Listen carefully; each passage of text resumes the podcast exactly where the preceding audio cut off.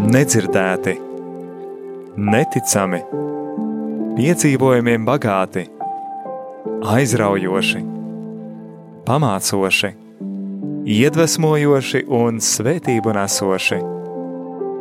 Tādi ir cilvēku dzīves stāsti. Tās ir grāmatas, kuras tā arī nekad nav sarakstītas, filmas, kuras neviens nav redzējis, mantojums, kura vērtība nav izmērāma. Raidījums dzīves stāsti - tā ir unikāla iespēja ielūkoties šajā dārgumu lādē. Klausies raidījumu katra mēneša pirmajā trešdienā pulksten 17.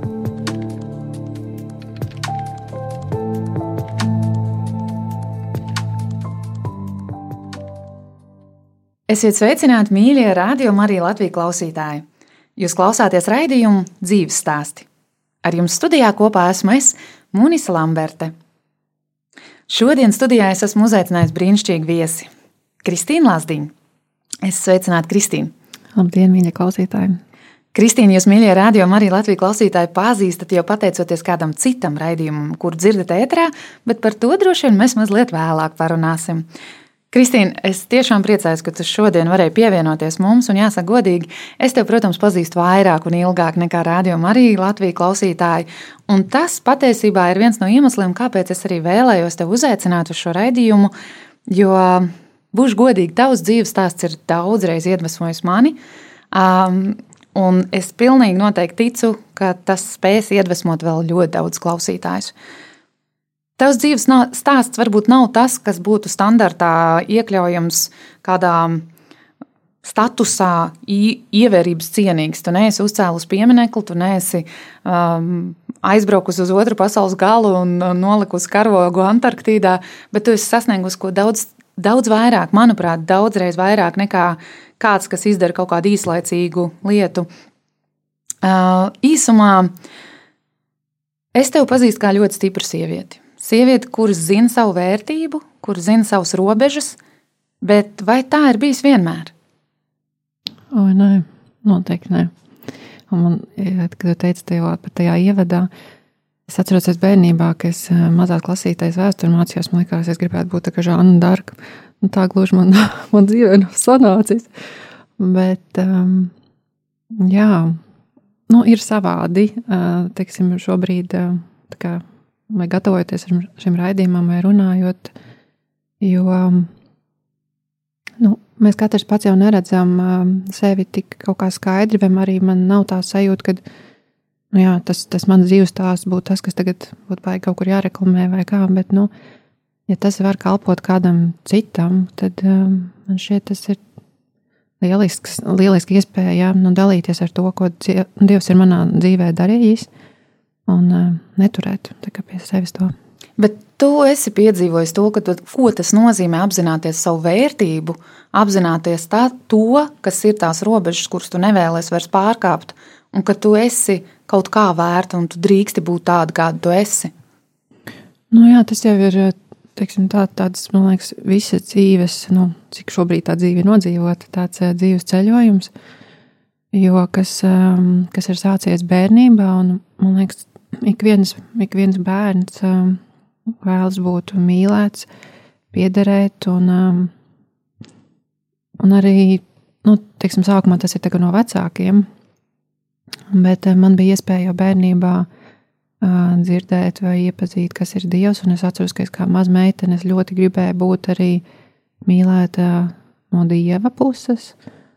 Um, un es ļoti centos labi mācīties, labi izturēties. Tev bija tāda asociācija, ka Dievs ir kā prasīgs tētis, kuram ir kaut kādā veidā jāpierāda sava vērtība, ka, viņ, ka tu esi tā vērta, lai viņš mīlētu tevi.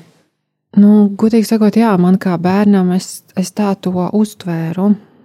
Kad um, tikai tad, ja tu pareizi visu dari perfekti, tad nu, tikai tad viņš tev tā kā var mīlēt. Un, un, protams, nekad nav gribējies eh, nu, dievu sāpināt vai skumdināt, bet, diemžēl, nu, tā izpratne par to, uh, par robežām un ko nozīmē nu, pašai mīlēt sevi vai ļaut dievam mīlēt sevi. Nu, tas viss ir nācis, nu, diemžēl, ar tādām sāpīgām, sāpīgām situācijām. Bet vai tu domā, ka mēs dzīvē vispār varam kaut ko, neskaitot prieku un laimi, bet tādu paš, pašvērtībai un pašizaugsmai svarīgu, kur Dievs grib mūs vest, iemācīties bez ciešanām? Es domāju, ka nē, kad, um, ka patiesībā, nu, protams, mēs visi baidamies no ciešanām, mums nepatīk uh, tās sajūtas, bet um, Jo tad, kad mēs paskatāmies uz ciešanām no citas skatu punkta, tad mēs saprotam, ka mēs to prieku vai laimi nevaram piedzīvot, izjust, ja mums nav ciešanas. Tas ir tāpat kā stāstā par, par gaismu un tumsu, ka tās abas lietas ir vajadzīgas. Tikai mēs kā cilvēki bēgam no tā, slēpjamies. Un, un tas varbūt patiesībā laupa ieraudzīt to, to dieva darbu mūsu dzīvēm. Kā tu domā, kāpēc mēs bēgam no tā? Kas, kas tas ir? Tā ir kāda trauma piedzīvota vai bailes no rezultāta vai no pārmaiņām? Es domāju, ka nu, personīgi man tas ir. Um, kaut arī man it kā fiziski ir augsts sāpju slieksnis, bet man nepatīk sāpes izjust. Man vienkārši tīri instinktīvi cilvēkam tā ir, kad uh, ja viņš izjūt nepatīkamu kaut ko, viņš saraujās viņam visu. Tev nepatīk izjust sāpes, bet tu esi tās izjutusi pietiekami daudz. Jā, es pat esmu pāris reizes apzināti tā, arī Dievs teiks, ok, man šis galīgi nepatīk. Bet es iešu, es nezinu, nu, es zinu, man sāpēs, bet es tā kā fokusējos uz to, ka tajā brīdī, kad man sāp, Dievs kaut ko labu dara. Un tas man ļoti patīk, tas um, salīdzinājums par, um, par kalniem un par ielām. Un um, par to, ka mums visiem patīk būt kalnu galos, bet ka patiesībā tie augļi, nu, kaut arī salīdzinājumā ar dabu, ka augļus iegūst ielās, nevis kalnu galotnēs. Un arī tas man palīdzēja vizualizēt par savu dzīvi, kad Dievs tos augļus um, veido, rada, tad, kad es esmu ielā, nevis tajā kalnu virsotnē. Un tāpēc Tas man tāds tā kā, stiprinājums ir vai atgādinājums, ka es tāds reiz pārvērtēju, kur es šajā brīdī esmu vai ko es piedzīvoju. Un tad ja es saprotu, ok, es tagad tajā ielā esmu. Bet um, tas nozīmē, ka um, man nav patīkami, bet kaut kas notiek, arī pat ja es to neredzu. Un tad, un tad kad tu esi kalnā, tad tu vari novērtēt to, kas tajā ielā ir izaudzēts nu, tā kalna virsotne ir mazliet bīstama lieta. Protams, ir forši uzkāpt, un ka tu tā vari pārredzēt un priecāties, bet, ja tu pārāk ilgi viņā paliec, nu, tad man ir bijis, ka es saprotu, ok, nu, bišķiet jau kaut kāda iedomība sāk parādīties. Jā, nu varbūt tāpēc mums tās ielas ir vairāk nekā kalna, vai ne? Ka tas atkal ir mūsu labā, ka Dievs mm. ir gudrāks par mums, un tas, kas mums liekas varbūt nevajadzīgs, un mēs to negribam, viņš zina, kā ļoti, ļoti mīļo, mīlošs tēvs, ka tas būs tas, kas mums palīdzēs pieaugt un, un atrast viņu un atrast sevi. Bet tu stāstīji sākumā, ka tev jau bērnībā bija šī vēlme izpatikt dievam. Vai mēs varam doties atpakaļ tavā bērnībā? Un varbūt tu vari sākt ar to, kur tu uzaugi, kas ir tavs bērnības mājas, kur, kur, kur ir tā vieta, kas ir tavs bērnības vieta. Jā, protams, ka varam. Nu, es esmu piedzimusi Liepājā, uzaugu es grobiņā, tā ir tāda neliela pilsēta blakus Liepājai. Mm, nu, manas atmiņas par bērnību ir um, tāda daudz dzīvokļu māja, kurā dzīvoja vairākas ģimenes. Kā jau droši vien padomu laikos tas bija tā izteikti.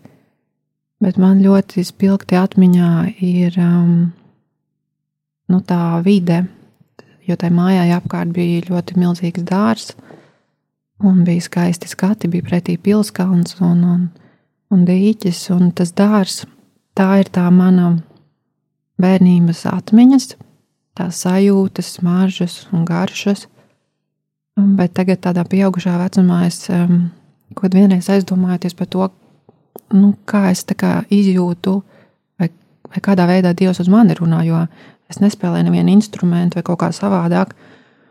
Un tad es sapratu, ka patiesībā Dievs jau no bērnības um, ar mani ir runājis tieši caur, caur dabu, caur, um, caur augiem, puķiem. Jā, kā ir tas teiciens, ne, ka evanģēlijas nav ierakstīts tikai Bībelē, bet gan dabā, katrā ziedā, kokā, mākonī un zvaigznēs.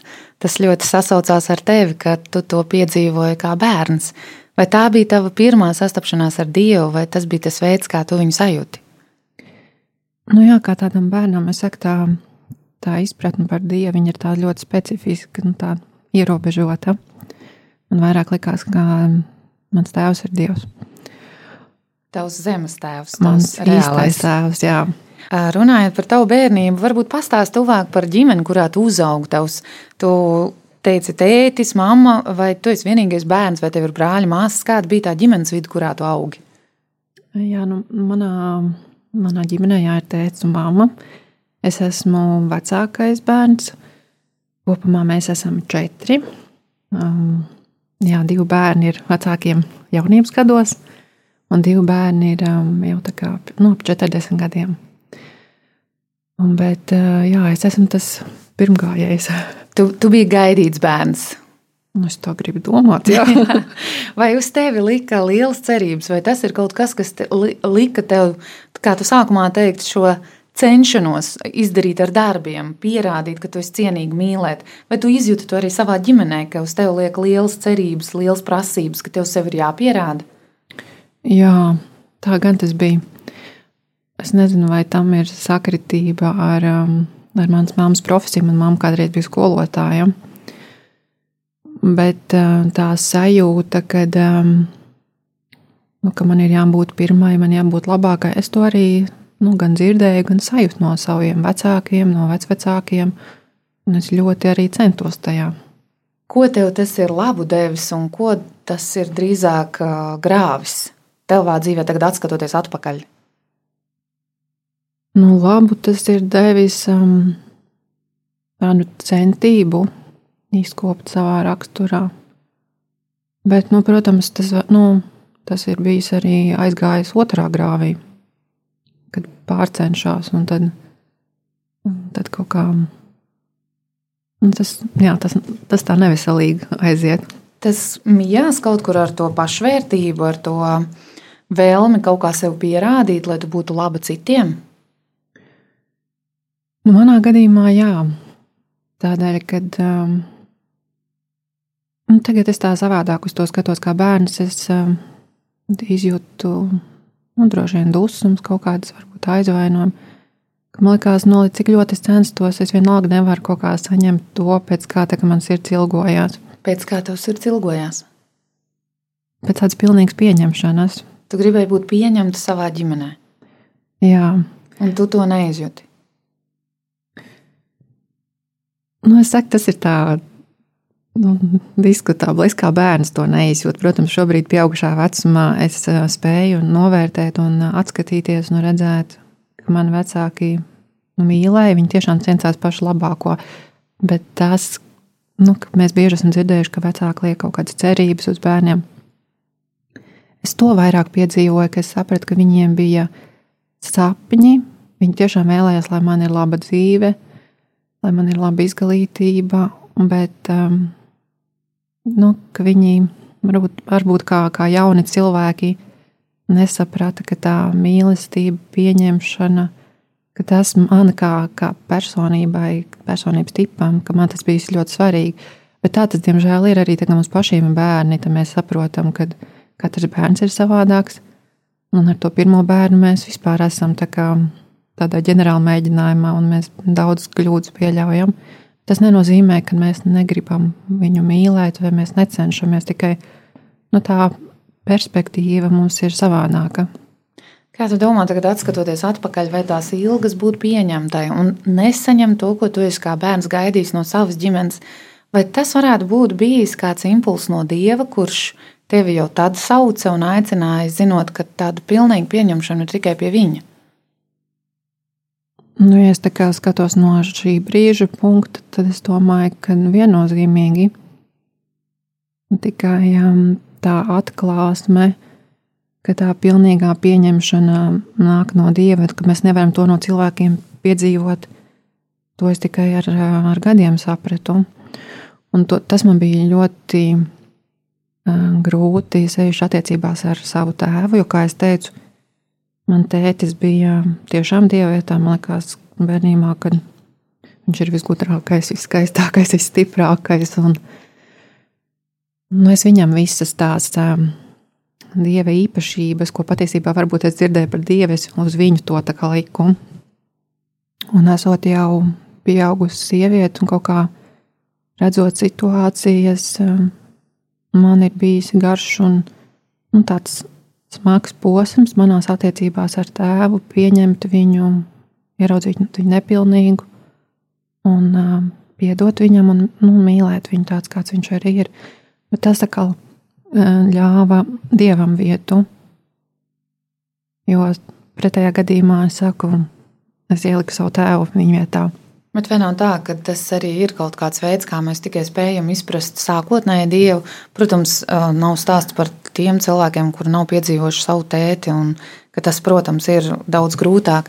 Bet, ja mums ir šis zemes tētis, ka tomēr tā asociācija kaut kāda ir mums kā bērnam, un vēlāk Dievs mūs kā jau augošs organisms baro ar bišķi cietāku barību un ļauj saprast, ka šis zemes tētis nav debesu tēvs ka tur ir liela atšķirība, ka tā ir tikai maza, maza daļiņa no tās attiecības stāsta vai mīlestības, ko viņš vēlās mums sniegt. Jā, es tam piekrītu. Bet redz, kā nu, interesanti ir arī tas, kad, um, kad mēs arī tagad um, veidojam attiecības ar Dievu, ka mums sākumā, vismaz man tā bija, kad es ar, man bija grūti pieņemt uh, Dievu vai Dieva mīlestību jo man priekšā bija tā kā mana tēva tēls. Un tad iznāk tāds aburtais lokus, kad uh, es savu tēvu uzlūkoju kā dievu, un tāpat laikā dievu es uzlūkoju kā savu tēvu, un es līdz galam nespēju, teiksim, ilgu laiku pieņemt, ka Dievs var tiešām man mīlēt uh, tādu nepilnīgu, kāda es esmu. Mm. Man liekas, nu, ka es piedzīvošu kaut kādu atraidījumu vai, nu, vai noliekšanu no Dieva puses, un man tas ir bijis nu, diezgan tāds. Um, grūts ceļš. Tas lika tev pelnīt viņa mīlestību ar saviem darbiem. Jā, viennozīmīgi. Vai bija kāds periods, kad tu saprati, tas nestrādā? Nu jā, tad, kad tā dzīve sabrūk tā pilnībā, un kad tu, nu, teiksim, manā situācijā, kad, um, kad es izšķīros un, un es paliku viena ar, ar diviem bērniem, un, un arī bija tāds um, grūts posms, kad arī man ģimene to nesaprata. Tas bija tāds um, sāpīgs, bet uh, īpašs brīdis, lai tiešām veidot attiecības ar Dievu un izjust gan fiziski, gan emocionāli, nu, ko tas nozīmē būt attiecībās ar Dievu, ko tas nozīmē ļaut viņam rūpēties, ļaut mīlēt un neatraidīt to Un to tu piedzīvoji brīdī, kad tu tiki no visiem citiem atraidīta, kur tik ļoti tu centies būt pieņemta. Jā, lai kā man gribējās, lai man tiešām dzīve ir tikpat uz desmitniekiem, kā varbūt es mācījos, nu, tad man tā personīgā dzīve nu, neizveidojās tāda, un es nevaru ar to ļoti nu, lepoties. Nu, mans stāsts nav no tādiem paraugiem, ko citiem teikt, un nezinu, vai pēc pēc kā citi tīkotu vai nu, jūsmotu. Tu ļoti labi pateici par tevi, nav ar ko lepoties. Vai stāstā par to, ka Dievs mūs mīl, ir kaut kas, ar ko mēs varētu lepoties? Tagad, skatoties visu tavu centīgo teicamnieces mūžu līdz šim, līdz šodienai, tu esi centusies, tu esi darījusi visu, tev ir bijis viss, kas it kā atbilst tam, ko tev vecāki grib redzēt un ko sabiedrība grib redzēt. Beigu galā mēs visi gribam redzēt laimīgas ģimenes, veiksmīgus cilvēkus, labas karjeras un pozitīvu prieku, veselību, visu pārējo. Tu saki, tev tas viss tika atņemts, kas it kā ir kaut kas, ar ko tu varētu lepoties. Bet kur tev tas aizved attiecībās ar Dievu? Nu, tas aizveda pie tā, ka um, ka tas man deva spēku, drosmi. Nu, tieši dievam atzīt to, kāda es patiesībā esmu. Jo nu, mums, mums katram ir šī gaišā, skaistā puse, ko mēs rādām citiem. Un uh, ir tā otra puse, kas ir, um, nu, viņa ir neglīta, bet viņa mums piemīt. Viņa ir patiesa. Viņa ir patiesa. Un, um, ja bieži ir tā, ka uh, mums līdz cilvēki nespēja izturēt kaut kādus tādus brīžus, ja mēs tiešām tā līdz sirds dziļumiem esam patiesi un atklājam, nu, ko mēs patiesībā jūtam vai, vai ko mēs izdarām, tad mēs bieži piedzīvojam nosodījumu. Tāpēc man šķiet, mēs arī slēpjamies no citiem un paši no sevis. Bet tas lielākais ieguvums man ir bijis tas, ka eh, es tiešām spēju satvert un noticēt, ka eh, Dievam nav kauns par mani. Un kad nu, es nevaru viņu nošokēt, vienalga, ko es domātu vai izdarītu. Jā, es varu savus vecākus nošokēt, es varu savus draugus un ģimeni. Kā tu domā, tā patiesība, ko citi negrib dzirdēt, man tas atgādina tādu latviešu estrādes dziesmu par dzinieku, kurš tur rāva visiem maskas nost. Ja?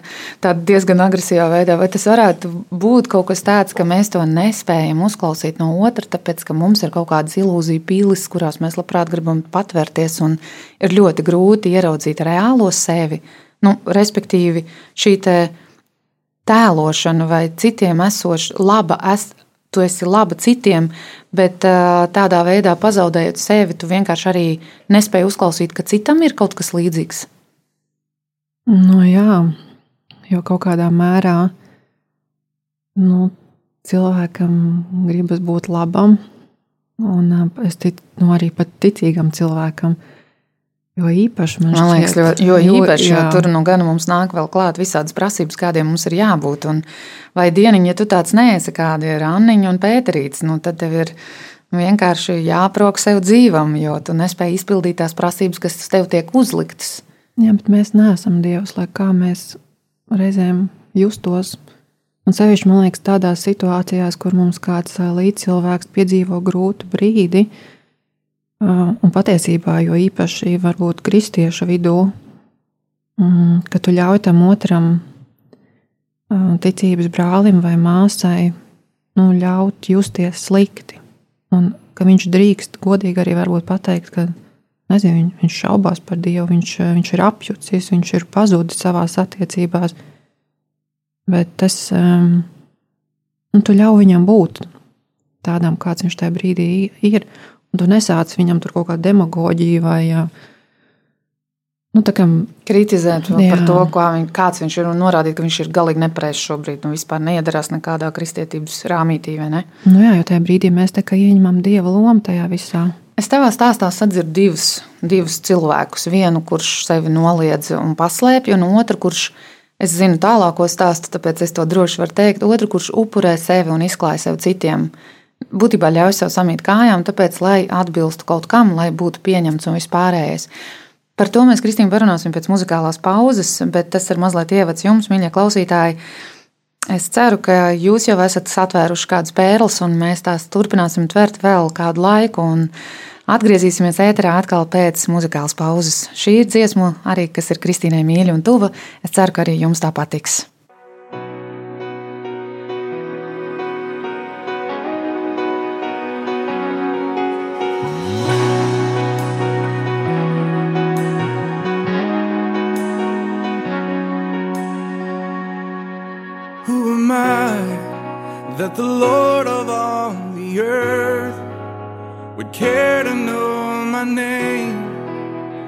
Care to feel my hurt. Who am I that the bright and morning star would choose to light the way for my ever wandering heart? Not because of who I am but because of what you've done. Not because of what I've done, but because of who you are. I am a flower quickly fading, here today and gone tomorrow. A wave tossed in the ocean, vapor in the wind, still you hear me when I'm calling. Lord, you catch me when I'm falling,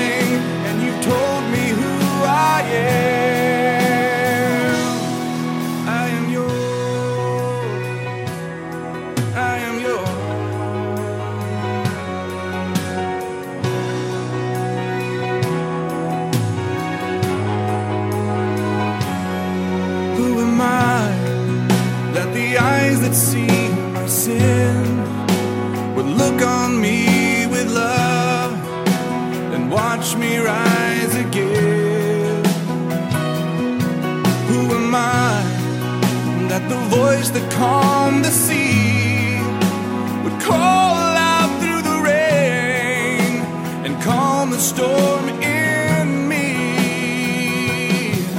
Not because of who I am, but because of what you've done. Not because of what I've done, but because of who you are.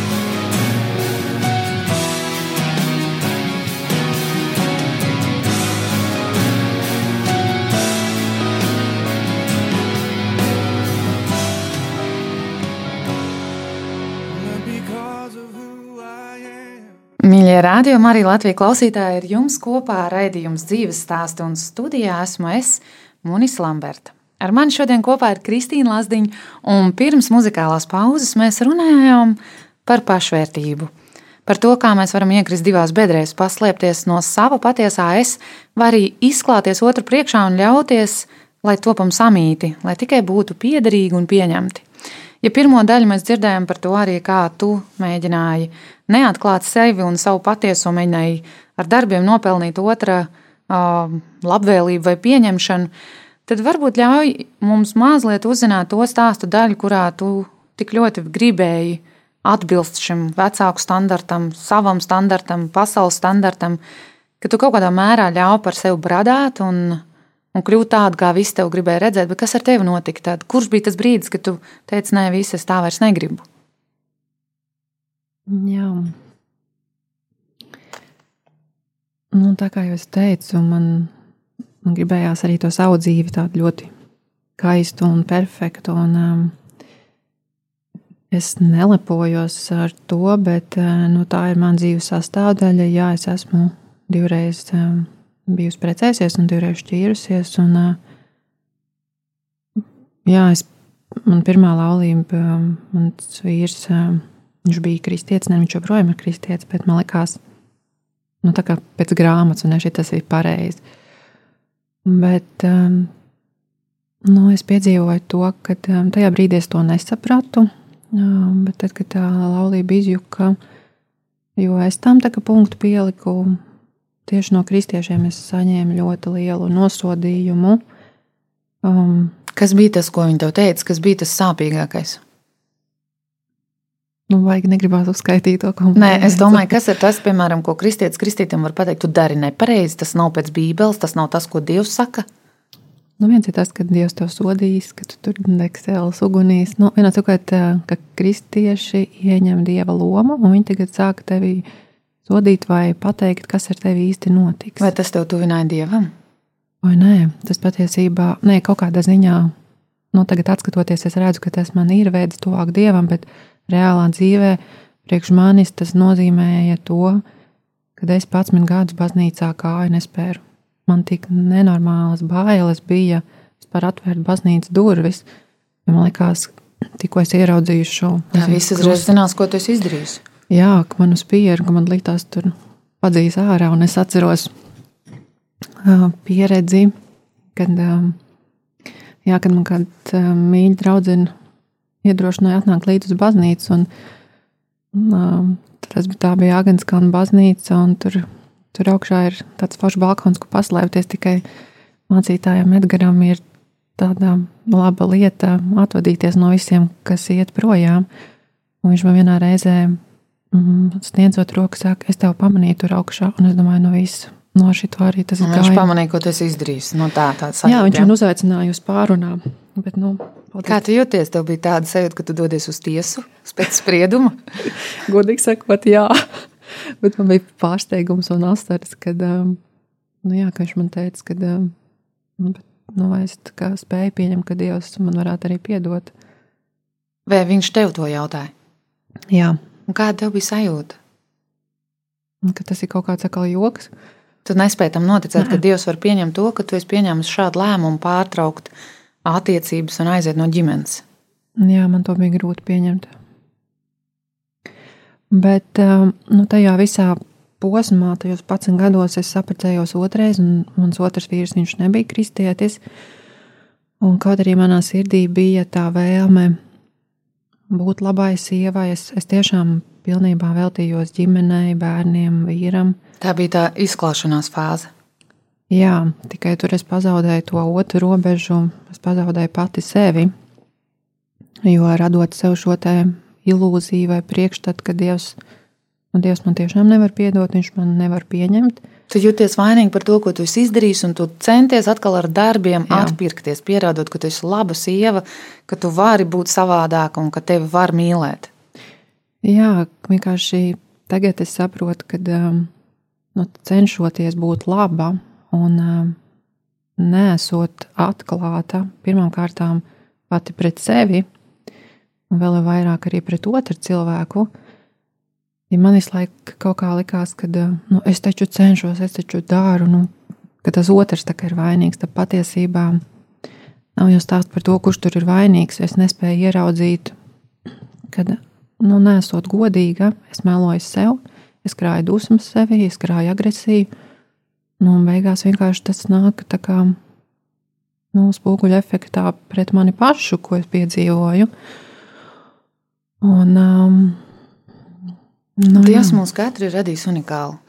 Man vienkārši, klausoties tevī, šķiet, ka tas tik ļoti sasaistās ar to, ka viņš nevienā brīdī nav lūdzis mums kādam būt par viņa vēlmju piepildītāju, par viņu laimes radītāju, vai jebkādā veidā izklāties otram. Viņš ir radījis mums katru unikālu. Un tas, ko tu saki, ir ļoti svarīgi, jo tad, kad mēs cenšamies otram būt tā, kā piederīgam vai atbilstošam, un te nav stāsts par egoismu, te ir stāsts par sevis apzināšanos, kad mēs pazaudējam sevi tā, tā otra labā. Un izklausās ļoti garīgi un kristīgi. Upurējam sevi ļoti labi, bet aizmirstam, ka Jēzus vienreiz jau to par mums izdarīja. Mums nav tas vēlreiz jādara. Bet mēs aizvien gribam sevi kaut kādā veidā upurēt, apzinoties, kā tu teici, šo te grēka vainu. Tās sekas tā tad ir šis sots par to, ka man tagad nebūs sava, uh, savas vēlmes, es darīšu otru laimīgu. Un tu ļoti skaisti to pateici, tajā brīdī tu sāc pazaudēt sevi. Un notiek kaut kas graujošs. Tas viss vienalga beigās nāk atpakaļ, un tu saproti, ka tas nav tas, kur tu sajūti to pieņemšanu un mīlestību. Nu, jā, tas viss noved pie tādas no dziļas katastrofas. Kas notiek tādās katastrofās? Nu, es domāju, tā ir tā iela, kurā vai nu, vai nu mēs tiešām grimstam un ā, aizejam pavisam dziļā postā, vai nu tomēr mēs satveram, at- nu, satveram to dievam roku un ā, nu, ļauj, nu, ļaujamies, vai atgr, nu, tiksim, tā, atgriežamies pie viņa. Jo es personīgi arī to piedzīvoju. Nu, fiziski man bija tāds brīdis, kad es fiziski sajūtu, ka es zaudēju prātu. Un es ļoti labi atceros to, nu, to nakti, kad es, um, es nebiju atgriezusies pie dieva, bet um, es vienalga sirdī mīlēju viņu, es viņu lūdzu, kaut arī man bija bail varbūt iet baznīcā un vai kādu par to runāt.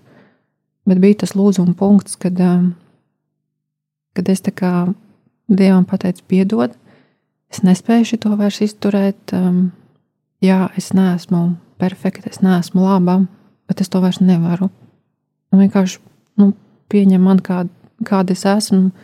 Nu, ja man ir tiešām jāsabrūk pelnos, nu, tad kaut kā lai tā tas notiek. Tu pieņēmi, tu atzini to, kāda tu esi, un tu pirmo reizi spēji kādam to atklāti pateikt. Un tas bija, paldies Dievam, jāsaka Dievs, kam tu to teici. Nu, jā, Kas notika tālāk? nu, bija tāds ilgs posms, um, nu, gan, um, gan manā pašā dzīvē, manās no, attiecībās, nu, teiksim, tā mana laulības šķiršana, manas attiecības ar vecākiem, tas, kā es pati mm, mēģināju nu, turpināt dzīvot, nu, nostabilizēties. Bet, Bet tu saņēmi atraidījumus pēc atraidījumiem, tu saņēmi pliķus sejā pēc pliķa pēc pliķa. Es, es zinu, no tavu stāstu saprotu, ka tas bija tie, tas nav mēneši, tie ir gadi, kam tu esi gājis cauri ar, nu, gribās cilvēcīgi teikt, ar nu, pilnīgu neizprotamu, tiešām, ja tā skatās no šī soda punkta, ja, nu, tad ar konkrētiem sodiem par to, ko tu esi izdarījis. Bet tu to vairs tā neredzēji. Kas mainījās? Nu, tās pārmaiņas jau notika nu, pēc daudziem gadiem. Jo tās lietas, ko es piedzīvoju, es, nu, es par tām nerunāju ne ar saviem vecākiem.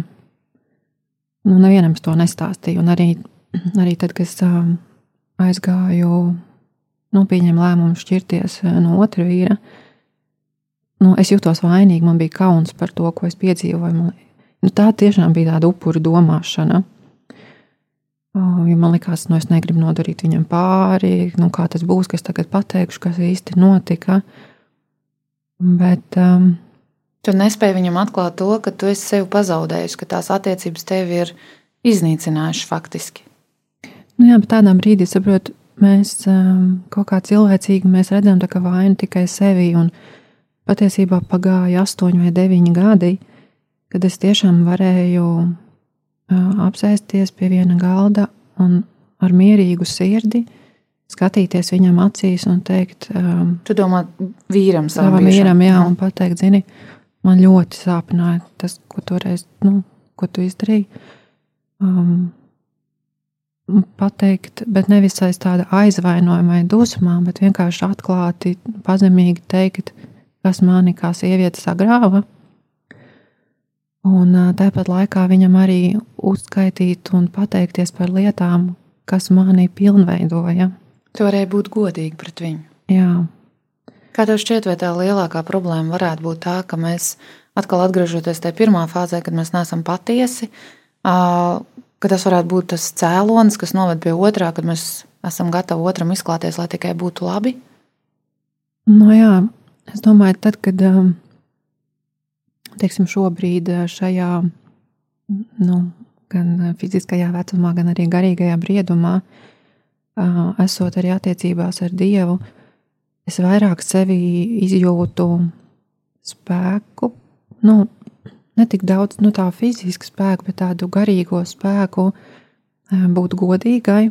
Un es vienkārši redzu, kā arī pārējās attiecības, eh, kas man, nu, vispār attiecības ar cilvēkiem, kad um, tas ļauj iziet ārā no, tā, no, tā, no tās upuru domāšanas.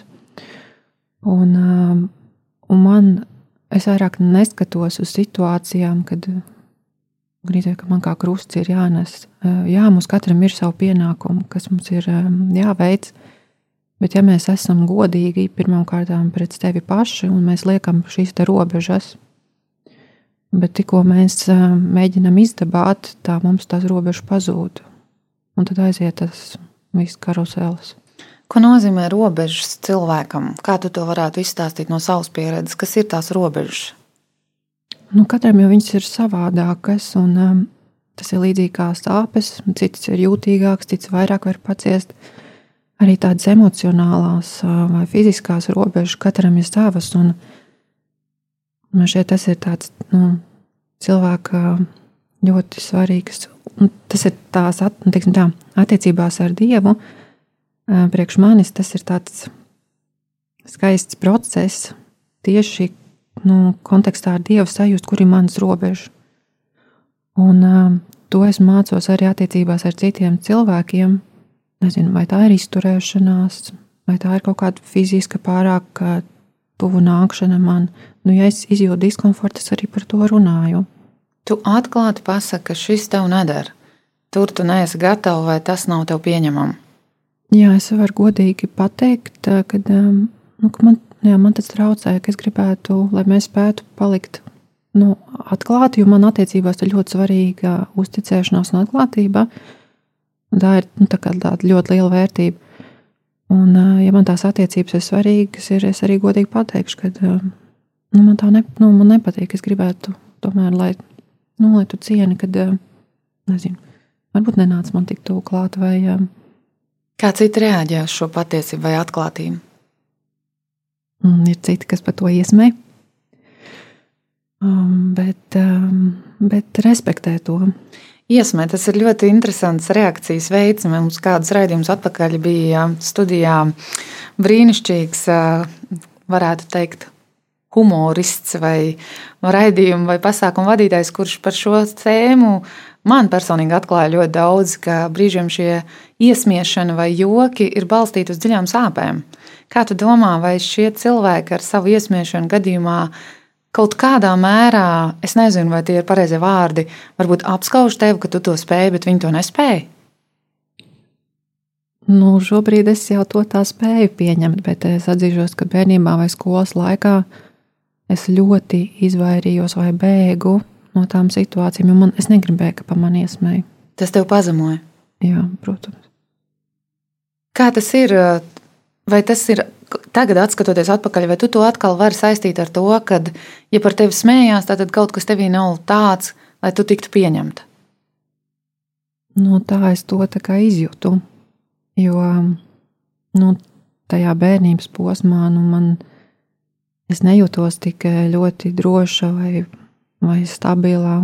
Ne varbūt savā fiziskajā ģimenē, ne man arī bija tāda tuvība vai saikne ar Dievu, kas tajā tik ļoti stipri varētu, nu, nu ka es spētu izturēt to. Nu, protams, tas ir pa, nu, pašapziņas, pašvērtības jautājums. Bet um, jā, šobrīd es, es jūtos pilnīgi labi. Un es arī spētu pieņemt, man kāds pateikt, zini, nu, tu esi tik dīvaini, ka ne, galīgi, nu, nu, teiksim tā, ka cilvēki novērstos. Man ir pilnīgi ok, ka es varu būt arī viena, jo es zinu, ka es neesmu viena, un es ļoti labi jūtos arī. Nu. Jā, nu pēc tiem standartiem atkal, ja mēs vadāmies, kā tu teici, jau raidījuma sākumā, kādi ir šie kriteriji, lai cilvēks tiktu pieņemts vai uzskatīts par veiksmīgu, laimīgu un tā tālāk. Tavs stāsts tam neatbilst absolūti, bet tu esi laimīgs, tu esi mierā ar sevi, mierā ar Dievu, mierā ar situāciju, kurā tu esi. Un situācija nav tāda, kas atkal liktos, o, oh, perfekti, tā, tajā jau mēs visi varētu justies labi. Es uh, gribētu aicināt tev dažos vārdos, varbūt tā, tu jau to sāki darīt, bet uh, kopā salikt to, kas tu esi, kāda tu biji un kas tu esi tagad. Un kur tai visā ir loma dievam, kā, kā tas, kāds tas ceļš tev ir bijis?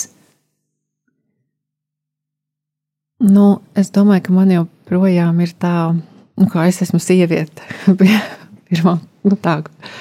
Un, um, man, un es zinu to, ka man ir ļoti svarīgas um, attiecības, man ir svarīga ģimene. Pat ja man nav sanācis, es joprojām pēc tā ilgojos un uz to ceru. Un, um, un kā sieviete, es izjūtu nu, kaut kā nu, attiecībā pret Dievu, es izjūtu tādu pazemību, bet nevis tādu pazemību, kad uh, nu, kā vāju lupatu, bet pazemību tajā, kad um, nu, es zinu, nezinu, kas man patīk. Vai, um, ka viņš par tevi var parūpēties. Tā tu domā, ka, tā, nu, ka viņa, viņš ir pārāks par tevi, bet tu viņam var uzticēties. Jā, ka tā ir tāda uzticēšanās. Un, um, un es arī uh, saprotu un izjūtu to, ka tās vētras, kas manā sirdī reizēm rodas, vienīgais, kurš to var nomierināt, uh, nu, ir Dievs. Un es to pazemību, tāpēc es saku, es viņa priekšā varu būt pazemīga, atklāta ar visu savu nesmukumu, kas man tajā brīdī nāk. Un, um, nu, viņš ir tas, kas to vētru manī nomierina. Man nav sevi jāpiesīt pie krusta, lai tāpēc nu, kaut kā izpirktu. Jā, jā, jā, es jau to vienreiz izdarīju, vai ne? Jā. Mums tikai diezgan grūti ir pieņemt to viņa upuri. Mēs paši bieži vien gribam būt tie upuri viņa vietā. Un, mēs arī esam cilvēki, un es, nu, es ļoti labi spēju saprast, ka mums ir svarīgs apkārtējo novērtējums, apkārtējo attieksme, un mēs ļoti pārdzīvojam, kad mēs tiekam atstumti vai atraidīti. Un, lai cik mēs kristīgi pareizi domātu vai, vai runātu, nu, nevienmēr ir tā, ka mēs uzreiz pirmā brīdī skrienam pie Dieva. Nu, Mēs esam tikai cilvēki. Un, um, jā, bet man liekas, ir tik forši arī nu, sevišķi kā, no kristiešu vidū, ka tev ir kādi cilvēki, kuram tu nu, tiešām tā godīgi vari pateikt, nu, kā tu jūties. Un ka viņš, ne, nu, ka viņš nemetīsies tev tagad. Kā, kā, kā viena mana draudzenīte teica, Bībeles izteiga tev pa galvu, jā, lai tev labotu. Kas ir tās lietas, ko tu varētu ieteikt kristiešiem pret otru kristieti? Ja kāds no nu, šobrīd, piemēram, klausās, un viņam ir situācija, kur vai nu viņš ir bijis, vai grib būt atklāts pret otru, vai kāds cits ir nācis pie viņa, kā tu ieteiktu, kā būt, kā būt, kas būtu tā attieksme vai veids, kas tev būtu bijis tajā laikā pieņemams. Tev ir šī pieredze, ko kristietis labu, noteikti, ka labu gribēdams un mēģinot tevi atturēt no kaut kāda viņa prāta neapdomīga soļa, ir izdarījis daudzu gadu laikā ar tevi. Protams, ka Dievs to ir vērsis par labu. Bet kas būtu tas, ko tu ieteiktu, kas ir tā pieņemšana vai veids, kā pieņemt otru, kas arī tev būtu bijusi daudz pieņemamāka? Nu, man, nu, man personīgi tā ir um, būšana līdzās. Tas nozīmē to, ka um, nu, līdzīgi kā tēva reizē, nu, man tas vienkārši palīdz vienmēr tā, tādos brīžos, kad es esmu tādā situācijā, ka man kādam jābūt līdzās, un man varbūt man liekas, vai nē, es jau šitā gan nedarītu. Bet es atceros to teikumu no tēva reizes, kad um, piedod mums, kā mēs piedodam saviem parādniekiem, un tad es katru reizi atceros. Um, ko Dievs man ir piedevis. Un tam man uzreiz tāds jau, bet pagaidi, Kristīna, nāc tagad atpakaļ pie saprāta, no kādām tiesībām tu tagad nosodīsi kādu citu. Un tas man palīdz noņemt nost kaut kādus aizspriedumus. Un um, es varu vienkārši būt līdzās, es varu uzklausīt. Varbūt es nevienmēr varu saprast, bet um, nu, es varu lūgt par to cilvēku un nu, neuzņemties to dieva lomu vai pārāk kaut kādu garīgu, nu, tādu svētumu. Jo um, nu, es neesmu svētā. Ne, nesist otru pie krusta un nesist pašam sev pie krusta, atļaut jēzum tur būt. Jā. Jā, tas man liekas, ir fantastisks tāds šī gaveņa laika tāds ierosinājums. Man šķiet, ko mēs katrs varētu iespējams mainīt savā ikdienā, pārstāt to otru tiesāt un pārstāt arī sevi redzēt mazvērtīgu un nevērtīgu, bet pieņemt šo jēzus upuri par mūsu grēkiem un pieņemt, ka viņš to vienreiz ir izdarījis. Un, un attiecīgi man tālāk ir jautājums tev par šo bērna būšanu. Vai tu jūties savu mīļā debesu tēta pieņemta? Nu, man tur dažādi iet.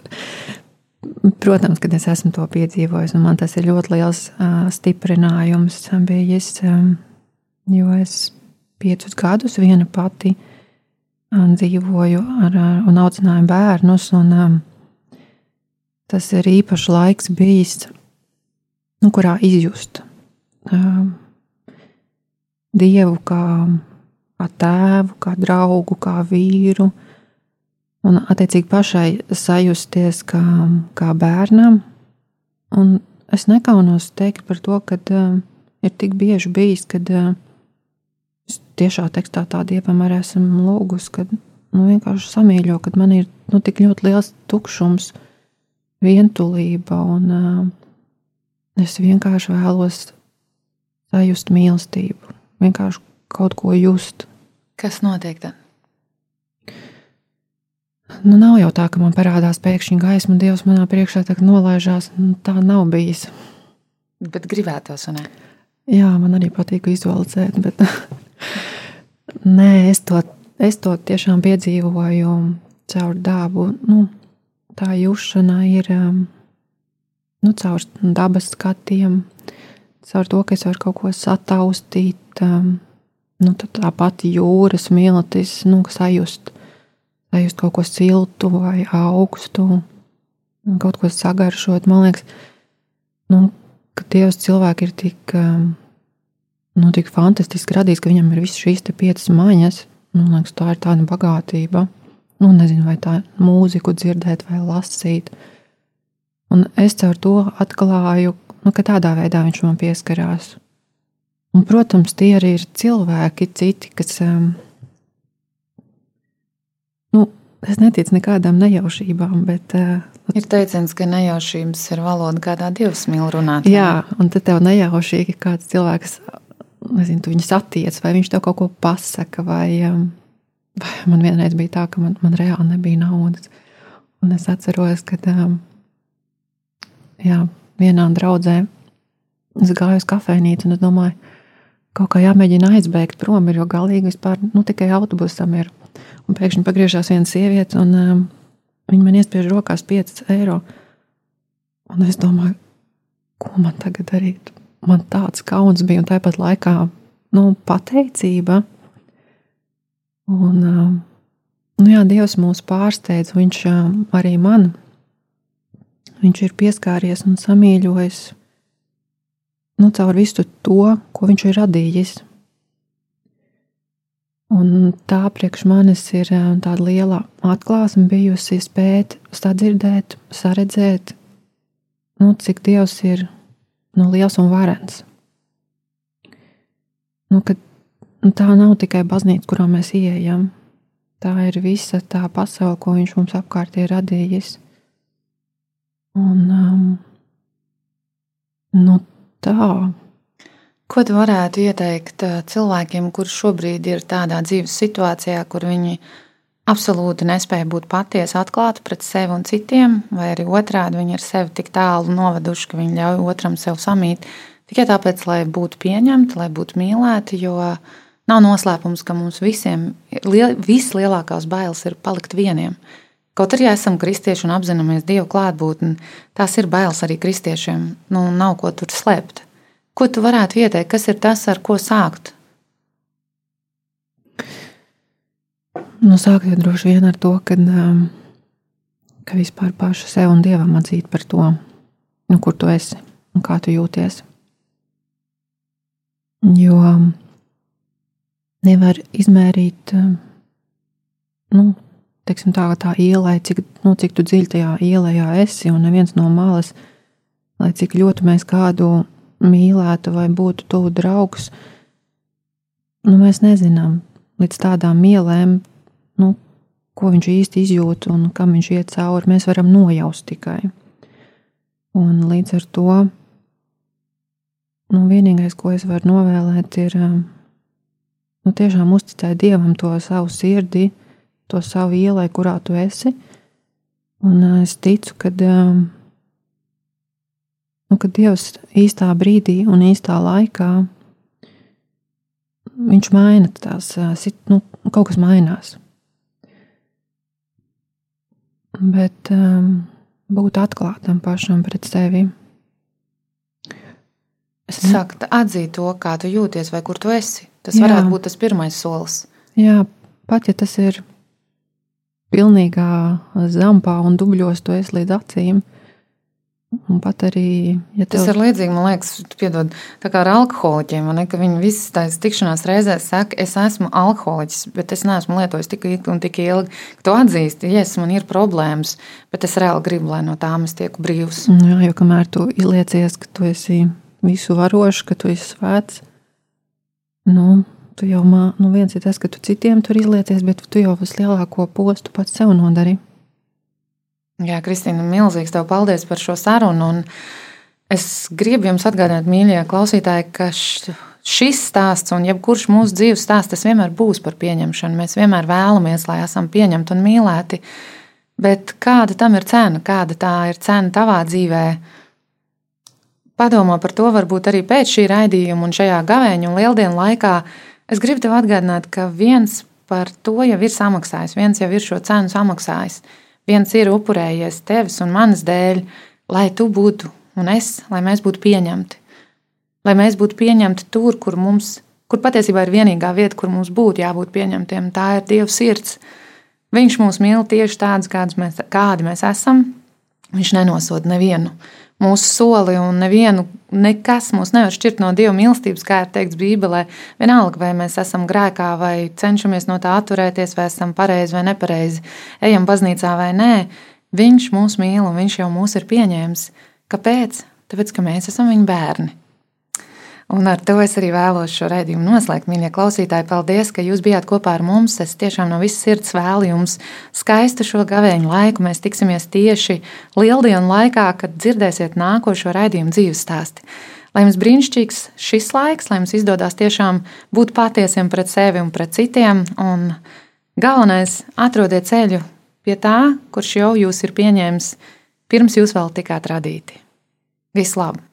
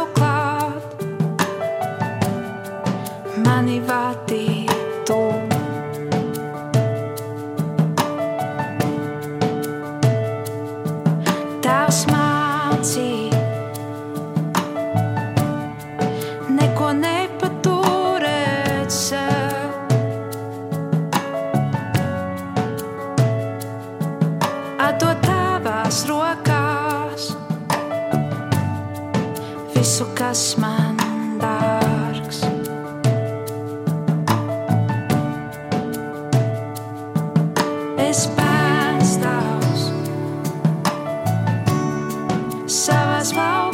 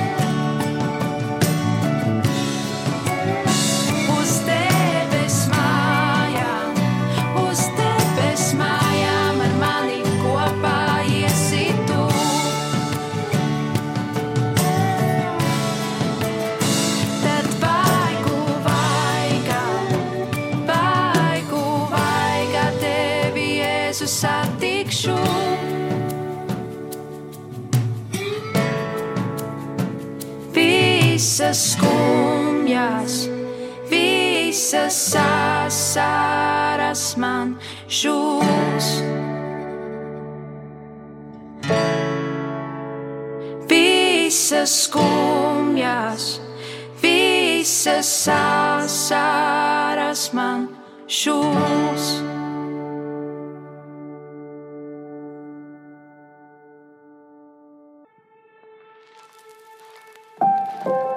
nedzirdēti, neticami, piedzīvojumiem bagāti, aizraujoši, pamācoši, iedvesmojoši un svētību nesoši. Tādi ir cilvēku dzīves stāsti. Tās ir grāmatas, kuras tā arī nekad nav sarakstītas, filmas, kuras neviens nav redzējis, mantojums, kura vērtība nav izmērāma. Raidījums dzīves stāsti - tā ir unikāla iespēja ielūkoties šajā dārguma lādē. Klausies raidījumu katra mēneša pirmajā trešdienā, pulksten 17.